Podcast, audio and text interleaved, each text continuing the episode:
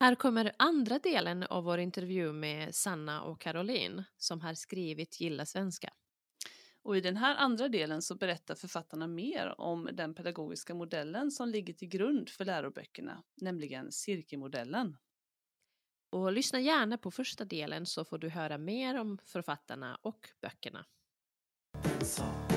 Hej, hej, hemskt mycket hej. Hej,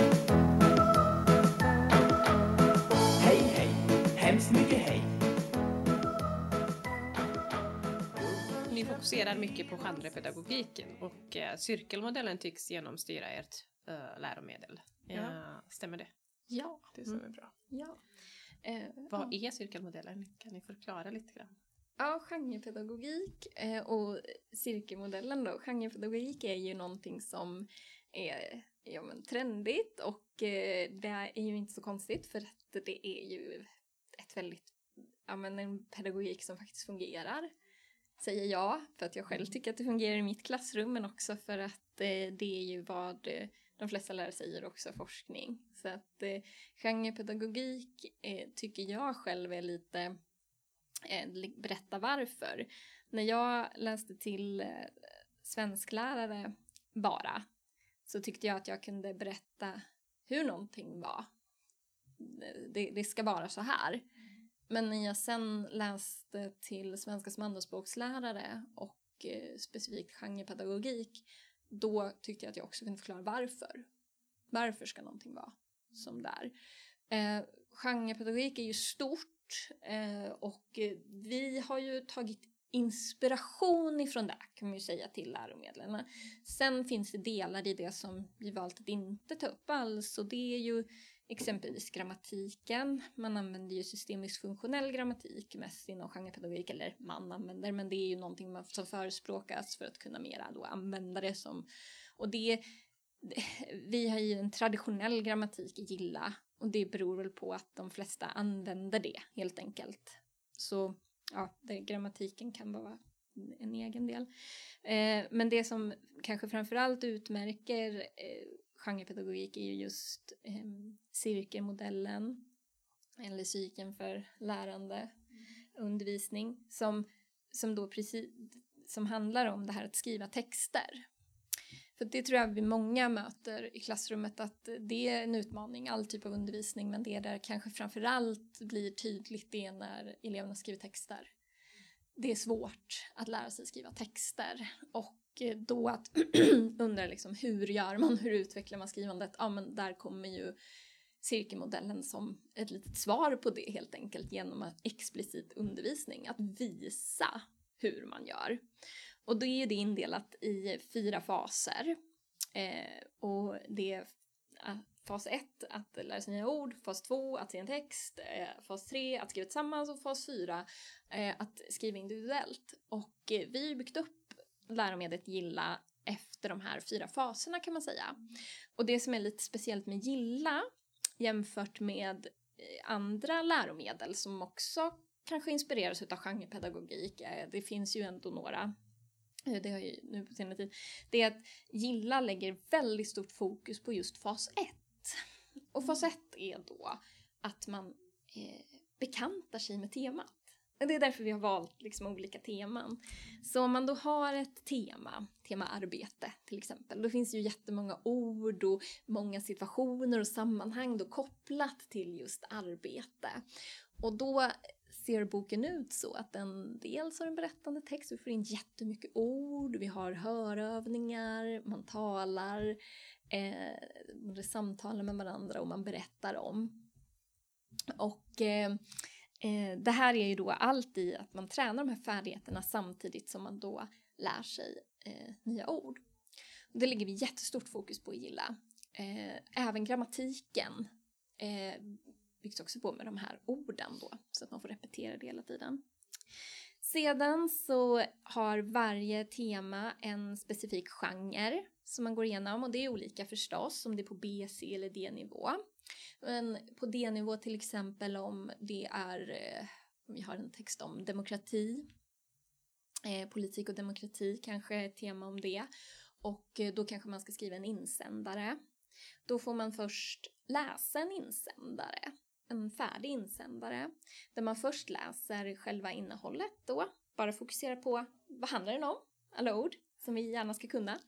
Och sen tittar man, och då har vi ju kommit in då i fas två, och då tittar man på hur, vilka delar består den här utav, mm, dekonstruktion utav den här insändaren.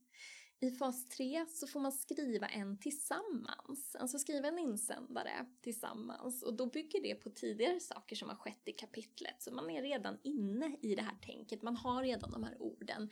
Man har faktiskt till och med redan tränat på att berätta om det här innan. För att det vet man också att det är väldigt bra att skriva om det som man tidigare har pratat om.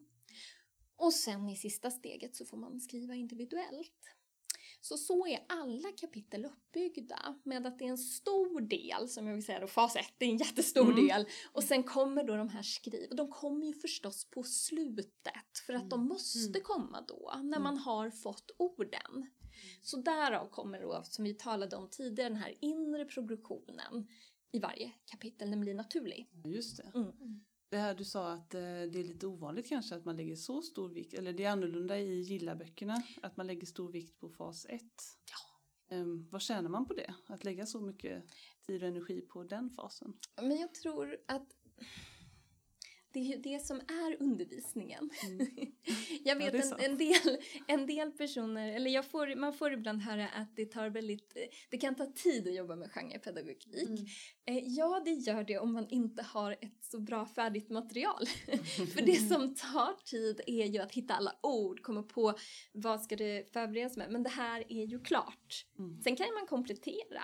Eh, om jag då har ett kapitel som jag sa om demokrati och politik till exempel och så kanske jag har läst en jättebra artikel om det eller jag har en bra berättelse eller jag såg något bra på nyheten, en debatt. Ja, det är väl bara att ta in i klassrummet, jättekul. Det kan man väl göra.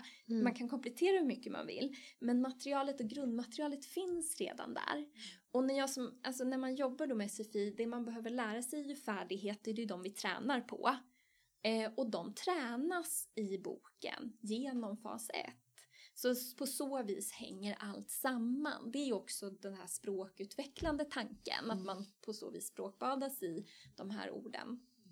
Eh, det är ju, att lära sig ett nytt språk är ju att lära sig förstås ord, såklart. Så att det är ju inte så konstigt. Och då, då gör man det i det här sammanhanget och kan chans då repetera det eh, hela tiden. Mm. Tycker ni att man lär sig bättre och snabbare om man jobbar eh, just på det här sättet? Jag tror det. Det är ju inte heller bara jag, utan tittar man på alltså, forskning och det där det är ju, jag menar läroplanen nu bygger ju också på genrepedagogik eller på att man ska då arbeta med olika typer av texter så det är ju inget kontroversiellt att säga det. Och eh, man börjar väl se mer lärande tänker jag att det ska ske i det här sammanhanget och med hjälp av stöttning. För det, eh, det, det är lätt att prata bara, eller vad säger man, den här eh, cirkelmodellen men genrepedagogik och någonting mer som vi har tagit med i Gilla är, handlar ju också väldigt mycket om stöttning. Att stötta eleverna. Och det gör ju vi explicit hela tiden Eh, innan man ska läsa en text. Titta på rubriken, titta på bilden. Vad tror du? Förkunskaper under tiden du läser och efter när du har jobbat. Att man hela tiden får instruktioner. Att det finns filmer till som visar när du ska samtala om någonting. Hur sker ett samtal? Hur går ett bra samtal till? Titta på det här. Att man visar på exempel. Att man visar, så här ska det vara. Många gånger kan man ju kasta ut en elev i, i liksom, ja, gör det här så ska man jobba i blindo och inte veta. Men här får man ju, här får man ju verkligen se eh, exakt ja, stöttning eh, och känslan av den här tryggheten då i allt. Och eh, det gör ju att eleverna lär sig mycket snabbare och rätt Mm. för att de får se helt enkelt. Ja. Det här är ju en tydlig pedagogisk eh, liksom, inställning då i böckerna. Hur går det? För du är inte utbildad lärare Caroline. Nej, precis. Men eh, du måste ju ändå ha blivit expert i det här området också i och med att du har jobbat med det så nära. Ja, jo det tycker jag. Eh, och det, jag tycker faktiskt att det, det till och med har fått mig att lära mig mer om språket och om texter fastän jag liksom har jobbat med, med text i, i många år, ända sedan jag egentligen var tonåring och skrev för lokaltidningen. Liksom. Eh, och plötsligt inser jag att jaha, det är ju så här en artikel är uppbyggd. Det är liksom ett metaspråk som gör att man förstår vad man håller på med. Eh, det konkretiserar vad en bra text är och gör att man kan särskilja liksom mellan, eh, mellan olika typer av texter mycket lättare. Um, så jag tror, jag, jag kan ju verkligen sörja ibland att vi inte eh, använde den här metoden när jag gick i skolan. Mm. Det Ja. hade varit väldigt värdefullt tror jag. Mm. Så. Mm. Det här stegvisa tror jag man skulle kunna alltså, använda oavsett ämne nästan. Ja. Bygga upp kunskaperna Precis. Mm. fram tills man kan stå på egna ben. Förhoppningsvis. Mm. Och få stöttning i alla de här, i hela processen. Alltså. Mm. Verkligen. Hur mycket stöttning ska man ge sina elever? Så mycket man bara kan. Mm. Så man ska finnas med hela tiden under hela den här... Ja, Till och med i sista ju inte. fas. Nej jag skojar. Men, ja, ja, så så mycket man orkar och kan. Eh, sista fasen är ju eget skrivande. Ja. Den brukar man ju, eller jag, när jag använder det i min undervisning så är det kanske lite mer av test, Mm. Mm. testformen. Men jag tycker det är elakt att slänga ut ett test om de inte är väl förberedda på det. Och om man inte känner att man är väl förberedd efter att ha kanske skrivit en gemensam text, ja då kanske vi skriver en till gemensam text Mm. innan det. För att, eller så kanske några får ut lite stöttor, alltså stöttor kan ju vara bara börjor på meningar. Eh, för att vi, man helt enkelt, den ska känna sig trygg. Ehm, så att det tror jag är, man får avgöra lite när, när, när eleven själv känner att den kan, då kan den nog. Eh, man ska inte vara rädd, tycker inte jag, för att ge stöd. Eh, det är lite, tycker jag, som eh, när man ska hjälpa så barn, att om de inte kan, då tar de gärna hjälp, men om de kan, då vill de ju klara det själv. just det. Så det är inte så svårt, tycker jag, då, att ta. Liksom. Det är som att ha stödljud på när man cyklar. Det är jättetryggt och bra i början, men det finns ju inte någon som vill cykla med stödljud när man kan cykla. Så det är inte något problem egentligen. Men ja, det är ju klart, ska man tänka att man, man behöver stå då på egna ben och då är ju det den sista fasen att man då ska kunna. Sen behöver man ju inte tänka att texten är död efter det utan där kan man ju jobba vidare. Där har ju jag bland annat då gjort den här skrivnyckeln för att man ska kunna jobba vidare med texten egentligen efter att man har producerat den för att då har man fortfarande ganska många grammatiska delar. Då kanske man inte längre behöver jobba så mycket med strukturen, den kan man Mm. kunna. Men individuella grammatiska delar som man behöver gå in på och titta och då kan man till exempel använda sig av ja, men skrivnyckeln då för att individuellt rätta. Så Mm. det kan man ju fortsätta jobba med men just att de ska kunna ha förstått strukturen av en text. Och det, är ju, det kan ju låta väldigt avancerat. Eh, Jag håller ju med Caroline när du säger det här att vilket fantastiskt metaspråk det är för till exempel att se hur en artikel är uppbyggd och så. Men det jag tycker också är skönt är att ja, det är avancerat kanske att göra men när det finns så är det hur lätt som helst att använda. Mm. Man behöver inte kunna själv det här metaspråket och det tycker jag om med vårt material för att Det kommer i fas ett. Liksom. Mm. Det, Ja, och, och, och allt står så explicit. Det är inte Mm. så ens att läraren behöver ha någon förkunskap ens om genrepedagogik om man nu inte har det eller vill ha det för att ändå kunna jobba med det. kommer naturligt då i Mm. den boken. Ja, det är bara att följa.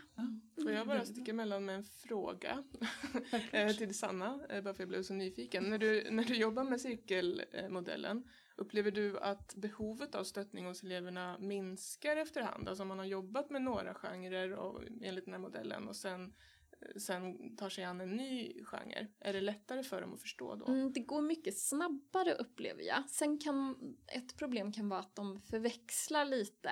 Särskilt om man har bankat in där för första, för andra, för Ja. tredje insändare så här. Så bara, nej men nu, nu, nej men nu skriver vi en novell här nu. Nej, nu får du nu får du inte skriva sådär liksom. Och, då, eh, det kan vara, och då är det ju tacksamt med de här eh, liksom, som, som tipsar så mycket att använda planscher, skriva upp och sådär. Så man eh, gör att man verkligen skiljer på det, att man kanske jämför två olika texter och så. men absolut, och framförallt så blir de mycket tryggare. De tycker att det är kul att skriva. Det är ju det är ju en riktigt härlig känsla och jag jobbar ju även, ja, även på gymnasienivå med studerande som inte, alltså som också ja, har svenska som modersmål men som kanske inte har ja, lärt sig eller känner sig bekväma med att skriva som, som då när man kan jobba genrepedagogiskt blir trygga i att Mm. oj, jaha, är det så här? De knäcker koden lite. Mm. Eh, och jag menar om jag får en uppgift att Sanna nu ska du skriva det här. Då skulle jag ju, om det är en ny text för mig själv, då behöver jag ju också dekonstruera den och fundera kring vilka delar är det. Så det är ju inte så konstigt tänker jag att, att man gör så här explicit. Det är ju, det är ju jättebra. Men ja, ja, för att svara på din fråga så ja, de, de, de lär sig absolut eh, själva strukturen för det Mm. Snabbt och snabbare. Och det är ju tacksamt. Vår bok är ju också uppbyggd, den har ju samma struktur och samma struktur. Så även om det är olika texttyper så har den samma typ av förklaringar. Och det är också bra för att då kan, då vet de, ja ah, men här ser jag, här kan jag läsa om vad som ska stå där och här kan jag se vad som ska stå där. Eh, och det här använder jag som modell och så. Mm. Mm. Det går mycket snabbare när man Mm. har nött, jobbat in det här.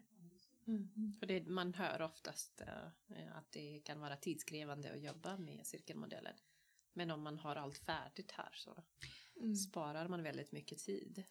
Ja, jag tänker man får väl fundera på vad, det är, vad är syftet med att jag gör det här? Vad, vad vill jag? Och är man SFI-lärare och man vet att det handlar väldigt mycket om att de ska klara nationella proven och då är skrivande en stor del som ofta är svår. Mm. Och om man då hittar ett bra sätt att samtidigt som man då får ett förhoppningsvis inspirerande, lärorikt, eh, integrerande material liksom, som ska kunna öppna upp lite för ja, tankar i samhället också förhoppningsvis. Eh, som också tränar dem på att skriva. Då tänker jag att det är värdefull tid att lägga på det. Och det är ju inte så att man tar bort eh, lyssna eller hörförstå- eh, hörförståelse eller bild och text och så för allting finns där. Så Mm. vill man följa kursplanen Mm. och en, då kan man Mm. använda det. Då är man där. Ja, precis. Och sen kan de få i läxa och jobba med grammatiken digitalt som man inte Ja, behöver rätta så att eh, då Precis. vinner man massa tid där. Det vet man ju liksom, SFI är ju väldigt mycket individuell tid. Liksom. Ja. Ju en ganska lite tid i klassrummet med en lärare. Den är ju bättre att göra den värdefull i samtal och interaktion. Mm. Och att då kunna lägga de här repetitionsuppgifterna hemma istället är ju, Ja, där bra hittar man ju tid. Mm.